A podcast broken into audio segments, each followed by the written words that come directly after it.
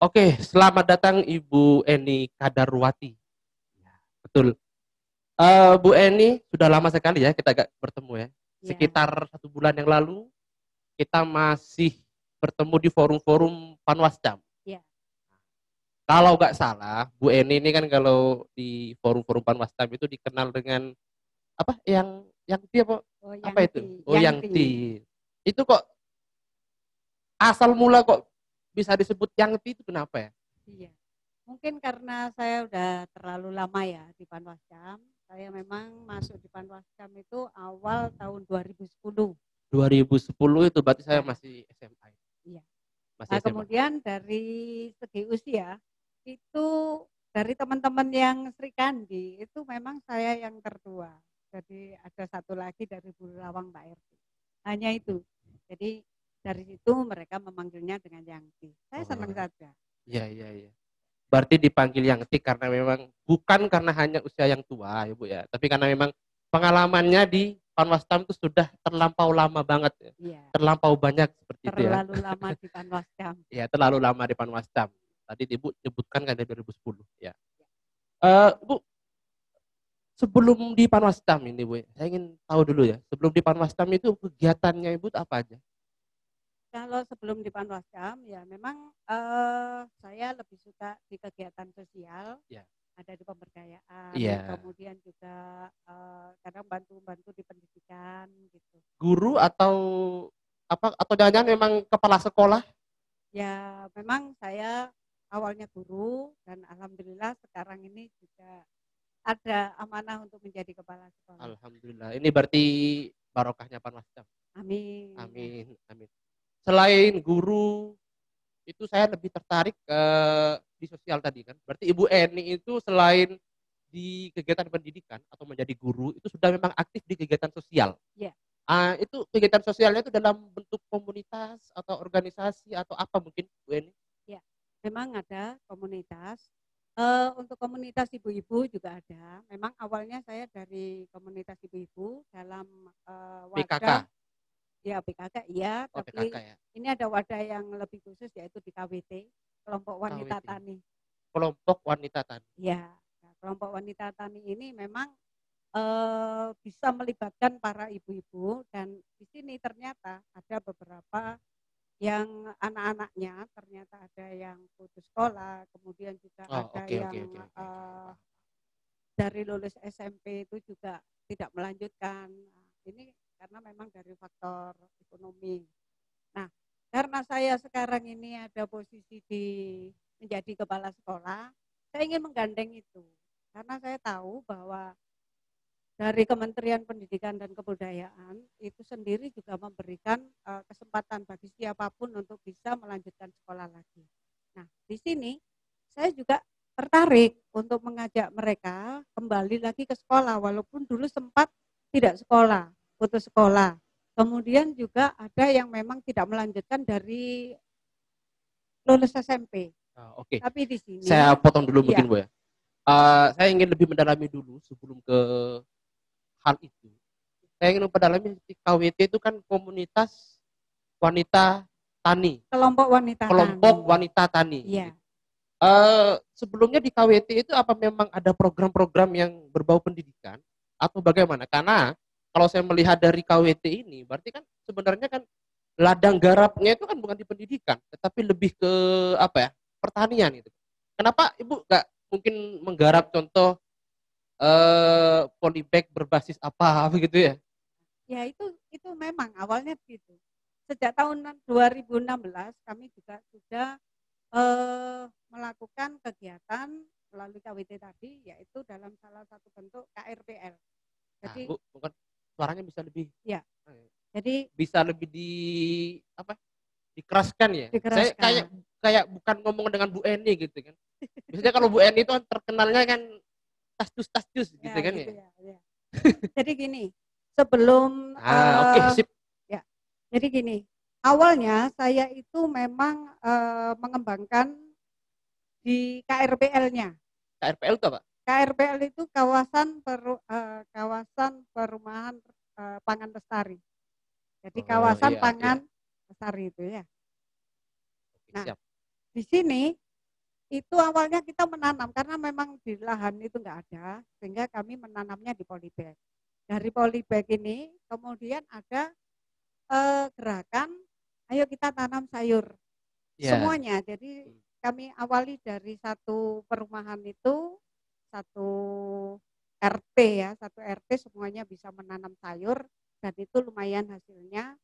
Tetapi memang enggak eh, setelah hasilnya itu nyata, ini juga ada perhatian dari pemerintah desa.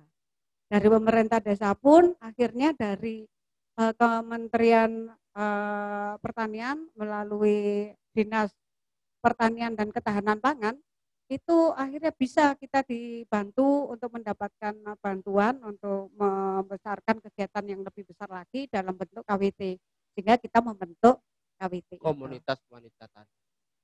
Berarti Kelompok, kelompok, wanita tani. Berarti ini awalnya berawal dari kegiatan di RT Bu ya. Ya, Di RT tepatnya di desa apa Bu tuh?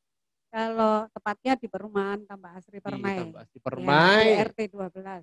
Dan salah satu penggagasnya itu adalah Ibu Eni sendiri. insya Allah gitu. Jadi Seperti kami memulainya. Jadi Memulai Iya. untuk eh, kelompok wanita tani. Iya.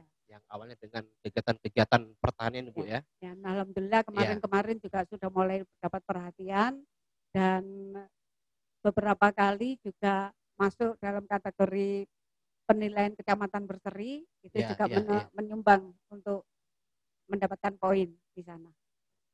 Sampai sekarang KWT itu masih terus apa ya? Masih Iya, terus berkegiatan masih, nih Bu ya. Masih berkegiatan. Eh, ketika Bu Eni sendiri di Panwascam gitu kan kita sendiri kan kalau di Iya. Panwascam itu ya mungkin eh, Ibu Eni sendiri mungkin berangkat jam 8 pagi nanti pulangnya jam 3 sore apa itu paling cepat kan Iya. kalau jangan-jangan bisa nginep dan lain-lainnya nah, itu apakah ketika kegiatan Panwascam itu kegiatan sosial Ibu Eni sendiri terhenti atau bagaimana di KWT itu Eh, begini, karena kami itu eh, walaupun eh, masih di taraf tingkat RT, kami juga merupakan eh, sebuah komunitas yang membangun sistem. Jadi walaupun saya ketua KWT di sana, sistem kita berjalan. Tanpa Keren, harus ada saya, tapi saya bisa memberikan masukan, memberikan arahan, kemudian mereka yang melakukan. Setiap kali ada event-event kami langsung koordinasi. Jadi koordinasi enggak harus hari pagi, siang, sore, enggak. Malam pun Iya. juga akan kita lakukan. ada atau tidak adanya Bu Eni KWT harus tetap bisa Tetap berjalan jalan. seperti itu Bu ya Iya, Eh, walaupun kegiatan di Panwascam juga sebegitu padatnya iya, betul. saya juga heran gitu kan Eh, bisa nggak memadukan itu kan karena saya juga merasakan sendiri eh, ketika kegiatan di Bawaslu Kabupaten sendiri itu ternyata juga sedikit menyingkirkan kegiatan-kegiatan yang lain gitu jadi di KWT tadi keren lah kalau di- memang di KWT itu sudah sistem yang berjalan jadi Iya. siapa pun yang menjalankan Bisa berjalan. bisa berjalan sampai sekarang pun KWT juga masih ber- berkegiatan bu ya Berkegiatan. pasca Panwascam ini juga kembali lagi ke Ya, KWT itu ya kembali lagi kita lebih fokus. Nah, sekarang karena dari apa itu namanya eh, kegiatan pemerintah desa itu memberikan eh, semacam bantuan da- dalam bentuk kolam kolam ikan lele. kolam ikan Nah, lele. ini masing-masing RT akan mendapatkan tiga dan ini sudah berjalan. Nah, ada kemudian berarti pemberdayaan lele juga Iya. ada. budidaya lelenya ada. Berarti KWTT harusnya. Iya. Tani dan ternak gitu berarti. Iya, itu nanti kan bisa mengarah ke sana juga. Iya. Nah, ini juga menyambut dari salah satu program pemerintah yaitu adanya Kampung Tangguh. Nah, Kampung Tangguh ya. ya, dari ya, Kampung Tangguh ini melalui KWT insya Allah ini juga semakin bisa berjalan karena dari segi untuk tanaman sayur juga sudah bisa berjalan, kemudian diolah dengan eh, ini sekarang olahan dari hasil sayur selain dijual, kita juga mengolah dari makanan itu bisa menjadi makanan untuk tambahan pada saat kegiatan posyandu. Nah, kemudian juga eh, kita nanti di di hasil pertanian eh, di hasil budidaya ikan lele itu juga sudah melakukan produksi kerupuk amplang Kerupuk dari amplang bahan itu, dasar lele. ampela itu Amplang. ati, Amplang, amplang. amplang. Oh amplang. Jadi kalau di kita ini kakap itu ya. Kakap Nah. ya, paham. Nah, itu kalau kita itu bisa sudah mengelola dengan eh, hasil panen kita sendiri dari budaya lele. Nah, ini eh, dijadikan kerupuk amplang. Nah, kerupuk amplang bahan ini dasarnya ini, ini juga sendiri. semakin memberikan kegiatan yang cukup padat kepada ibu-ibu yang tergolong dalam kelompok wanita tani dan ini kelompok sudah, wanita tani. iya. sudah bisa berjalan Sudah juga. Jadi kelompok wanita tani itu kan di desa perumahan permai Bu ya, yang Iya. di sekitar perumahan Iya. itu aja berarti ya, di desa itu Bu ya. Ya, tapi Ya. ini sudah merambah ke empat dusun yang ada di desa. Tambah Asri. Oke, Bu Eni. Eh, selain eh, ini, selain di KWT begitu ya. Ya. Selain di KWT itu Bu Eni juga aktif di kegiatan sosial apa ya? Selain di KWT gitu. Mungkin Selain di KWT, eh ya, kegiatan sosial-sosial mungkin yang dilakukan Bu Eni selain di KWT gitu. Kalau saya kan tadi kalau kegiatan di kepala sekolah, pendidikan kayaknya sudah banyak lah yang membahas. Saya tertarik yang di KWT ini mungkin selain di KWT lah Bu Eni ini ada kegiatan sosial lain atau gimana? eh, ada ini eh, dari teman-teman yang mantan, Mantan, mantan panwascam, Mantan panwascam. Ya, ini kita ada beberapa teman-teman yang tergabung dalam sebuah komunitas. Nah, ini kita memang sudah terbentuk salah satu komunitas yaitu Forum Nusantara. Forum Nusantara Kabupaten. Forum Nusantara Kabupaten. Ya, ini di sini teman-teman yang mempunyai potensi mantan-mantan panwas, sekarang kan juga sudah bukan mantan tapi dianggap sebagai Thomas, Thomas, apa itu? tokoh masyarakat. Tokoh masyarakat. Nah, tokoh masyarakat. Saya kira tobat tobat maksiat. Nah, dari situ eh, kita mengumpulkan atau berkumpul, kemudian eh, melakukan sebuah kegiatan yang memang bisa bermanfaat.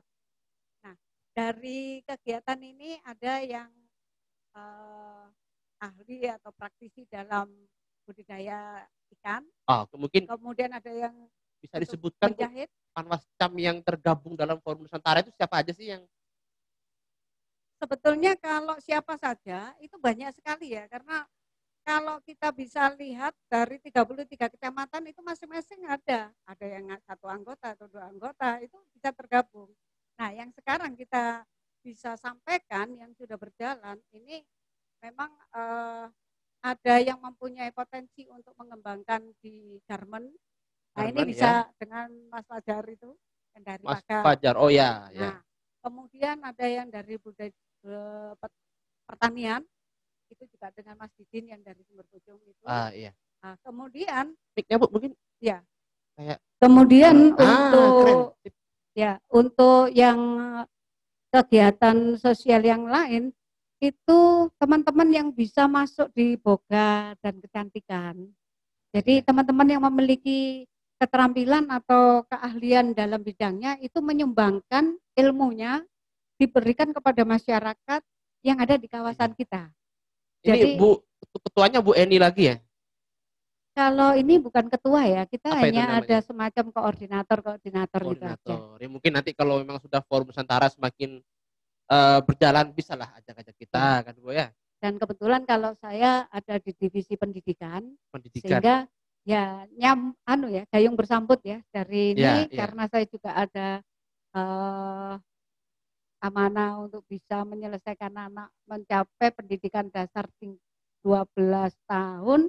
Nah, ini ini mungkin saya bisa berperan di situ. Sehingga kami menyampaikan kepada teman-teman Panwascam apabila yang kemarin itu kesulitan untuk mendapatkan anak yang lulus SMA atau SMK, nah ini bisa segera bisa bergabung dengan Forum Nusantara. Nanti kita Forum Nusantara Iya. ber, eh, bekerja sama atau melakukan MOU dengan SMK yang saya bina. gitu. Berarti kan tujuan di sini eh, apa ya? Jangan-jangan menjadi nanti menjadi supplier PTPS di desa-desa begitu Bu ya? Nah, itu harapannya. Jadi Iya. kalau bisa PTPS ini eh semuanya memiliki bekal untuk legalitasnya memang dari Ya. ijazah SMA atau SMK. Kemudian di sini alangkah baiknya kalau dari kami dari kita ya Bawaslu ini juga sudah memperhatikan, kepada Memperhatikan. pendidikan pada anak-anak. Ya. Karena anak-anak ini kalau kita berikan sentuhan pendidikan politik ini akan banyak sekali manfaatnya. Kalau saya lihat ada SKPP ya. KPP, Tetapi betul. untuk SKPP itu ini kan masih menengah atas ya sepertinya. Nah ini bagaimana kalau ke depannya dalam masa-masa ini ada kesempatan menunggu pemilu yang akan datang itu bisa memberikan pendidikan kepada anak-anak yang tergabung dalam eh, pendidikan untuk menyelesaikan di SMK ini, jenjang SMK ini dibekali dengan pendidikan politik. Itu Oke. akan luar biasa. Sekali. Keren. Karena memang Bawaslu sudah punya apa ya proyeksi ke depan itu ya. kita memang ingin membumikan yang namanya pengawasan partisipatif. Itu nah. berarti kan kita konsekuensinya harus mendidik eh, kader-kader muda ya. untuk bisa mengerti politik. Nah, tadi disampaikan oleh Ibu. Ya mungkin kayak supplier PTPS itu mungkin tujuan keberapa gitu kan ya. Yang terpenting ya. adalah pendidikannya. Pendidikan dulu diselesaikan ya. sampai pendidikan itu uh, wajib belajar 12 tahun ya gitu. Untuk forum Nusantara ini Bu. Ya. Seandainya kan saya orang Muhammad Jabir ini tertarik mau bergabung. Ya. Apakah ini harus mantan Panwascam atau bagaimana? Atau sekiranya kalau memang saya boleh, saya hubungin siapa? Oh, iya. Saya tuh daftarnya gimana? Apa nanti ambil formulir dulu, ada uang pendaftaran atau bagaimana oh, begitu? Ya.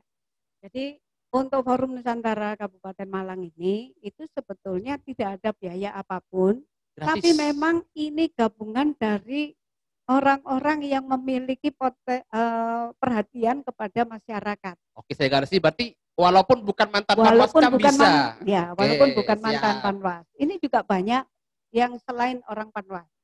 Iya, Jadi ya, ya, ya.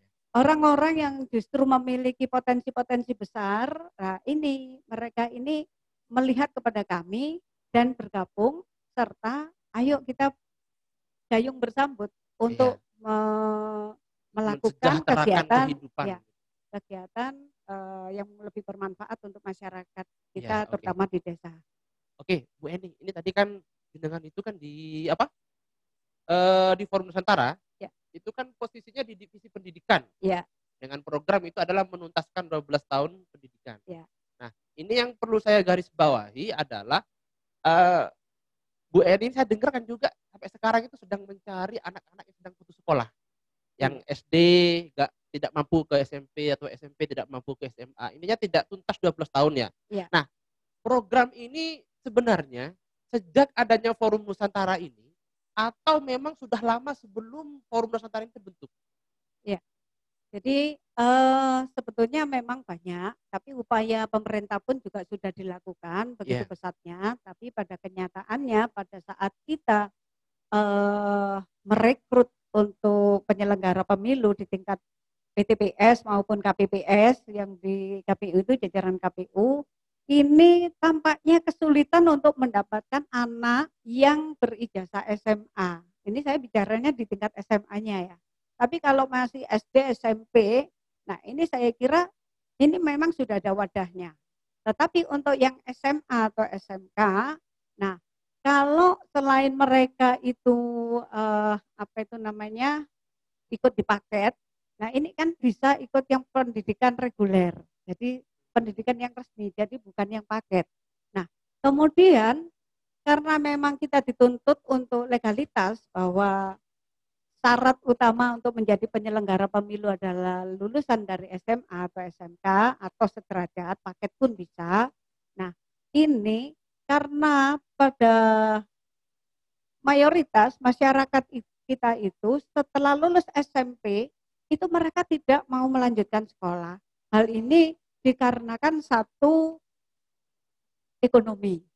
Walaupun kita pemerintah sudah memberikan gratis tetapi ya. biaya untuk operasional mereka masuk sekolah, pakai seragam atau apa pun itu yang menjadi kendala. Ternyata itu.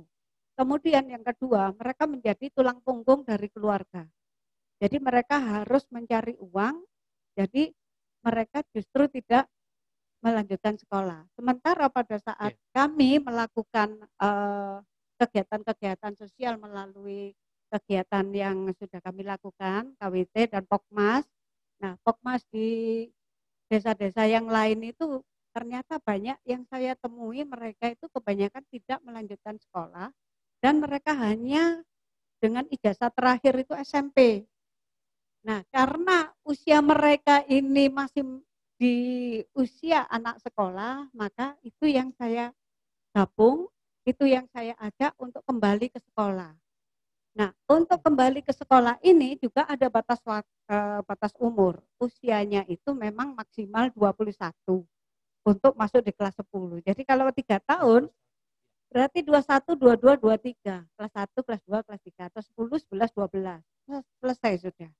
Tetapi kalau mereka putus sekolah itu bisa asal memang sudah ada pernyataan dari uh, sekolah sebelumnya. Mereka sekolah di mana sebelumnya. Karena pada uh, kebanyakan anak kita yang sekolah reguler sampai enam hari itu Senin sampai Sabtu mereka kan banyak bolos sehingga dikeluarkan oleh sekolah atau mungkin tidak naik akhirnya malu tidak sekolah putus.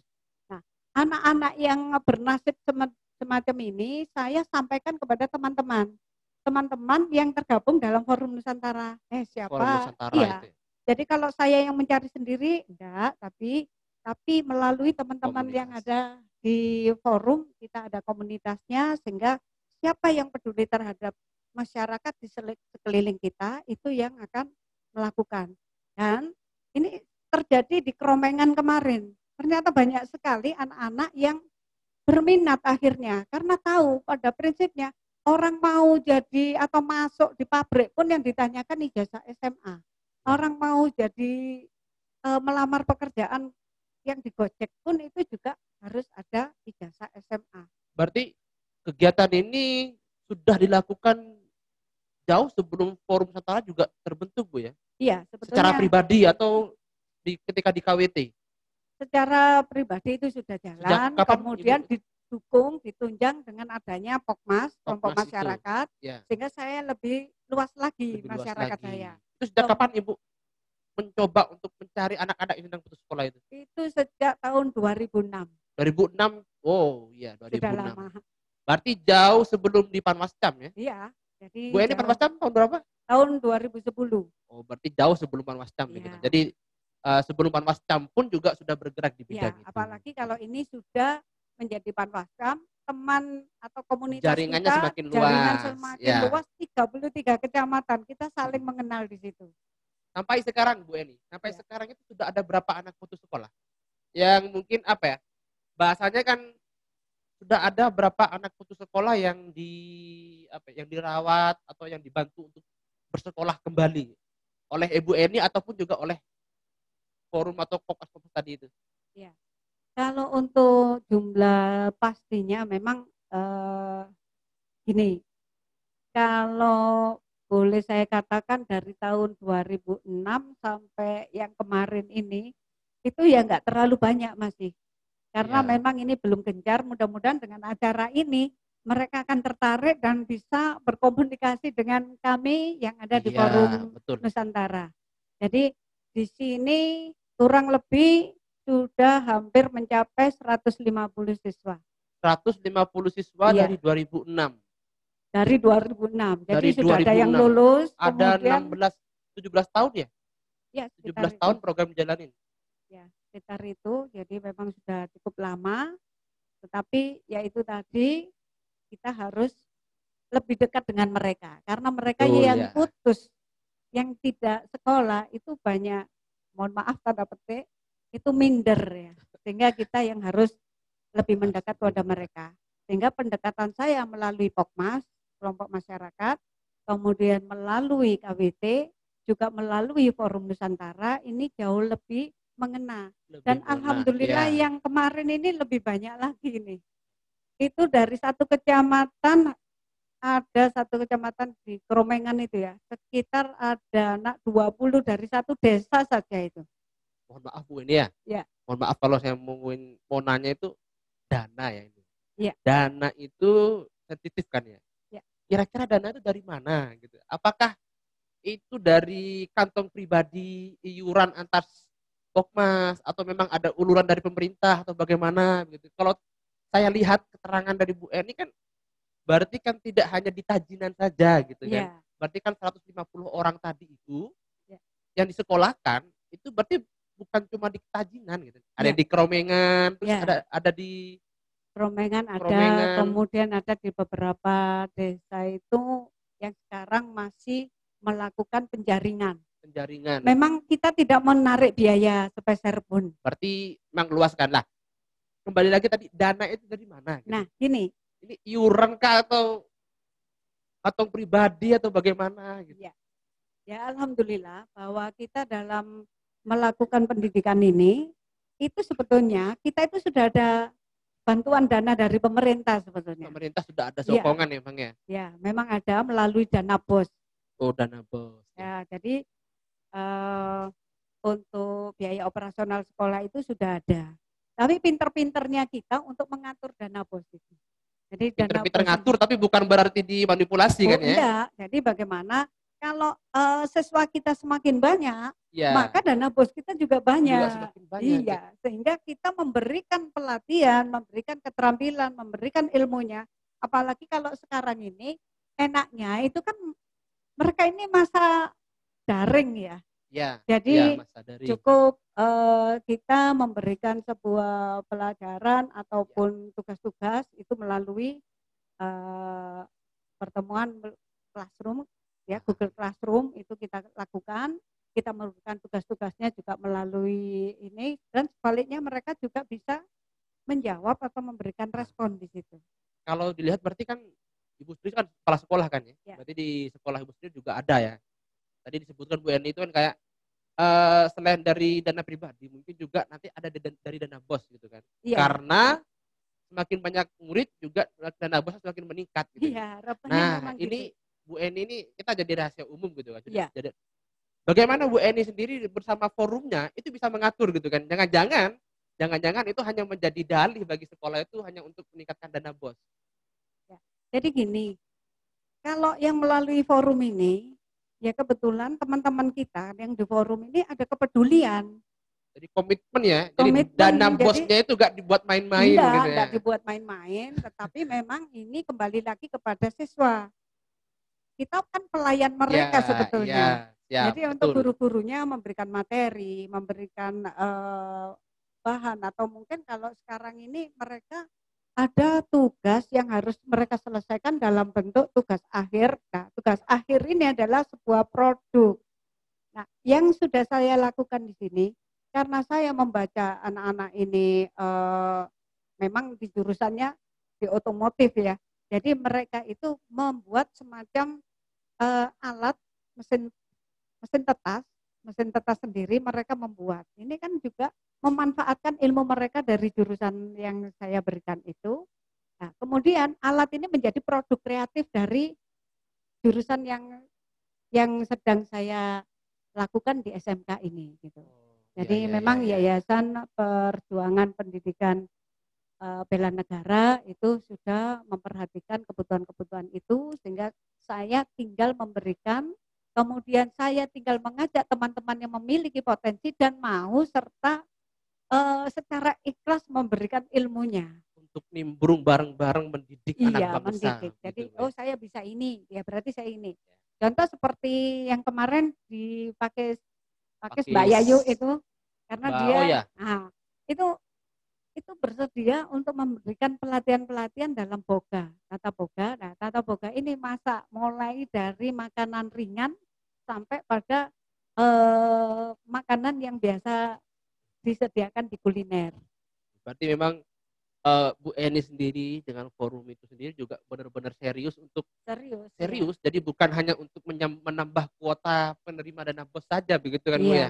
Karena ma- banyak kan sekolah-sekolah itu yang ya yang penting eh, siswanya gak nyampe 20 ditulis 20 begitu kan. Saya pernah bertemu dengan beberapa oknum-oknum seperti itulah. Jadi jangan dilakukan lagi ya ketika nanti ada anak-anak sekolah Iya. bisa nanti dikomunikasikan dengan forum Nusantara dengan Iya. Bu Eni ya. Iya, bisa. Selama ini, jadi kan selama 2006 sampai 2021 ya, Iya. sudah melaksanakan program itu, pasti kan ada apa ya? Dalam perjalanan itu pasti ada kendala, Iya. pasti ada kendala entah apa itu kan saya nggak paham. Mungkin Bu Eni bisa sedikit menceritakan kendala-kendala yang dialami lah selama apa ya? Selama mencoba untuk mendidik anak-anak terputus sekolah itu. ya memang banyak kendala sebetulnya. Iya. Ya kalau memang kita biarkan mereka putus langsung hilang karena mereka Iya. lebih mencari kerja, mencari duit. Nah, ini sementara kalau sekolah mereka kan hanya belajar-belajar saja. akhirnya saya mendapatkan sebuah terobosan dan memang mencari terobosan. Saya bekerja sama dengan beberapa stakeholder. Dalam hal ini saya juga bekerja sama dengan Tani Market. Nah, dari Tani, Tani Market. Oh, Tani Market. Uh, uh, Tani Market ini swalayan, swalayan, jadi penjualan retail untuk uh, barang-barang hasil panen. Jadi bisa dari sayuran, dari buah-buahan, jadi segar memang di sana. Nah, anak-anak ini yang memang berminat menjadi eh, apa hobinya ingin menjadi seorang SPG atau mungkin swalayan yang kerja di swalayan itu saya salurkan dan saya titipkan di sana.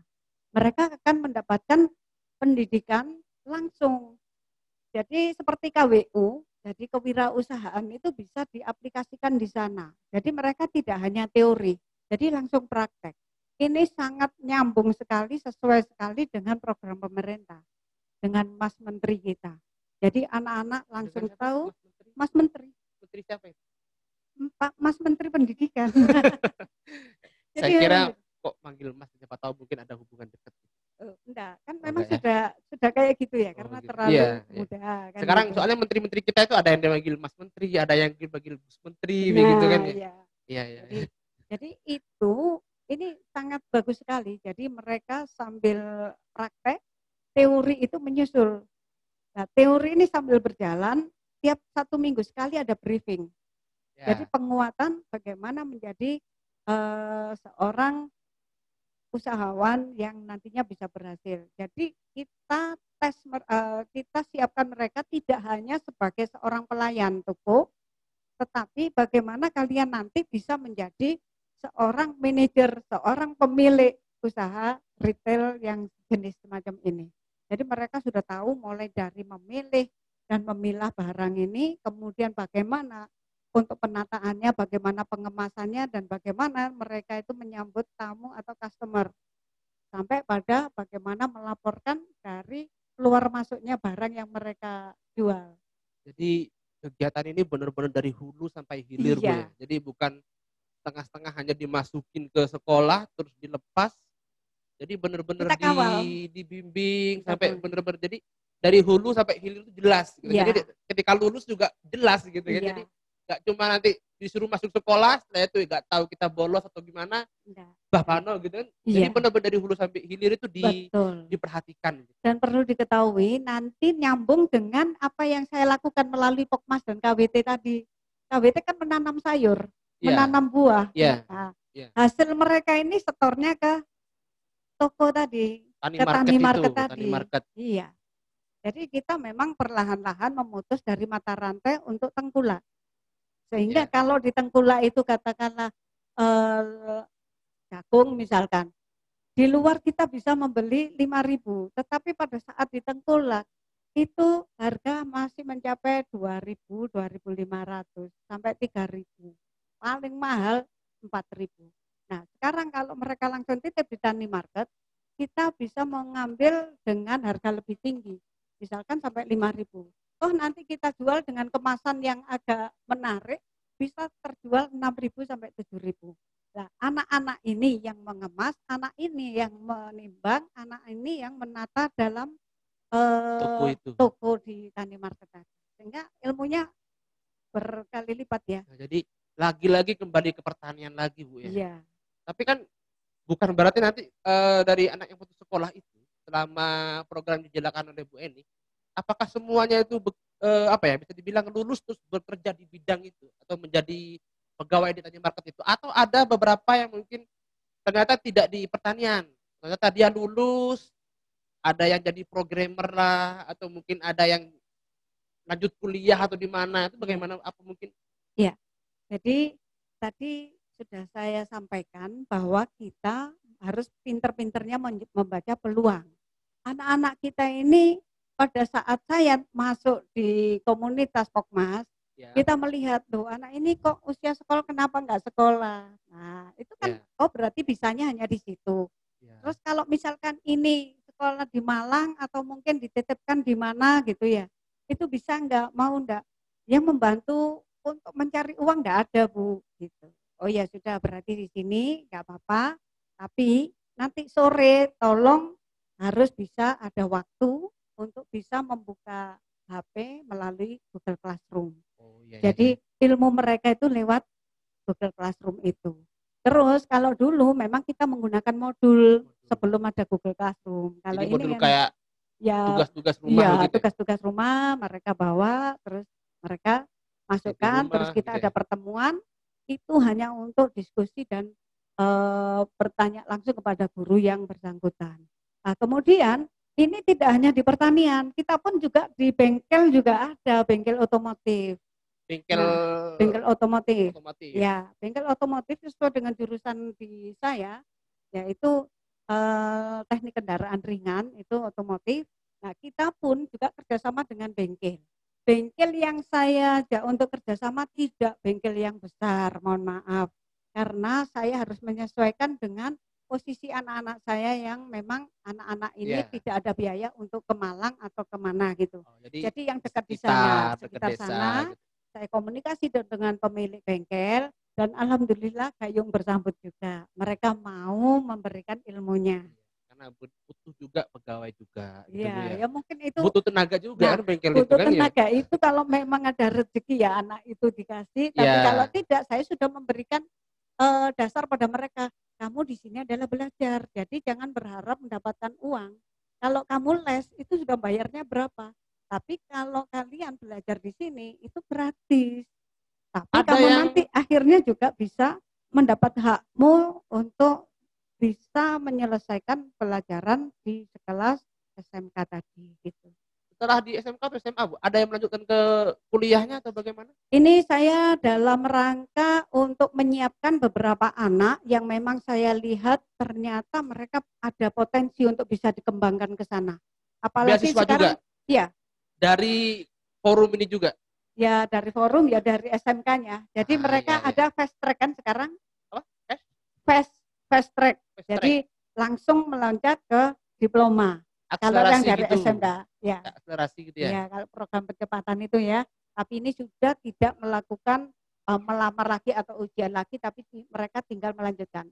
Makanya kan sekarang ada yang kelas 13, itu masuknya Ya. diploma satu. Nah ini untuk pengembangan. Jadi untuk anak-anak yang nilainya bagus, ini saya ajukan untuk bisa melanjutkan di tingkat Kuliahnya ya perkuliahan itu nanti dengan polinema atau universitas yang mana gitu. Saya berusaha untuk melakukan itu sehingga sekarang ini saya juga eh, memberikan motivasi dan Hmm. tampaknya sekarang ini memang alhamdulillah anak-anak sudah mulai sadar bahwa pendidikan adalah merupakan sebuah kebutuhan bukan kewajiban. Karena memang pendidikan itu memang sudah sebuah kebutuhan. Bu, ya. Kebutuhan. Sudah sebuah kebutuhan, bukan lagi menjadi pilihan. Ya. Apalagi di era-era yang eh, tahun milenial ini ya, di era milenial ini kita semuanya butuh keahlian. Ya, Dan betul. semua keahlian di era-era sekarang itu perlu dibuktikan dengan ijazah. Iya, Seperti itu. iya. Ah, legalitas. itu Bu Eni mungkin ah, bisa disampaikan juga kepada yang sedang melihat podcast kita ini, Home Up Ya. podcast ini.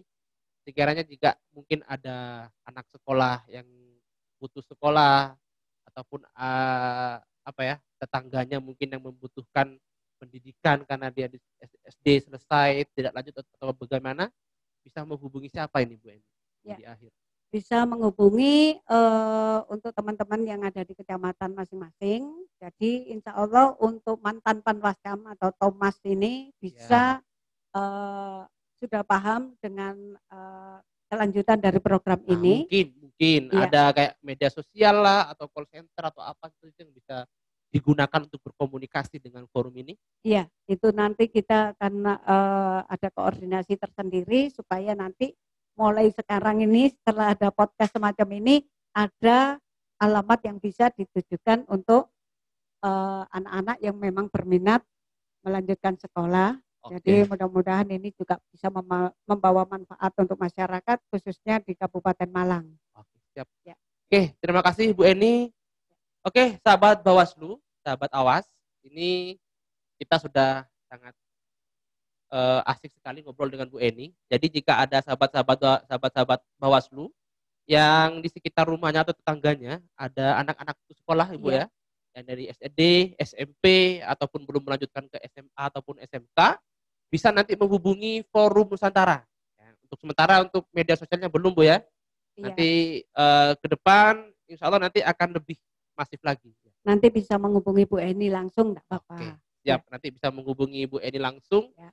Jadi eh, jangan lupa kalau nanti memang nggak bisa menghubungi Bu, Bu Eni, nanti Ya. bisa menghubungi kantor Bawaslu ya. Oke. Oh ya. Sahabat Bawaslu mungkin bisa langsung datang ke kantor Bawaslu Kabupaten Malang di Jalan Trunojoyo nomor 10 ke Panjen Kabupaten Malang.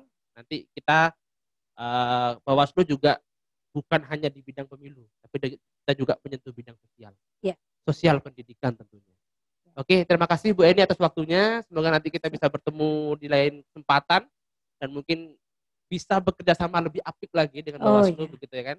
Ya. Oke, dari saya terima kasih. Sama-sama. Wassalamualaikum warahmatullahi wabarakatuh. Waalaikumsalam warahmatullahi wabarakatuh.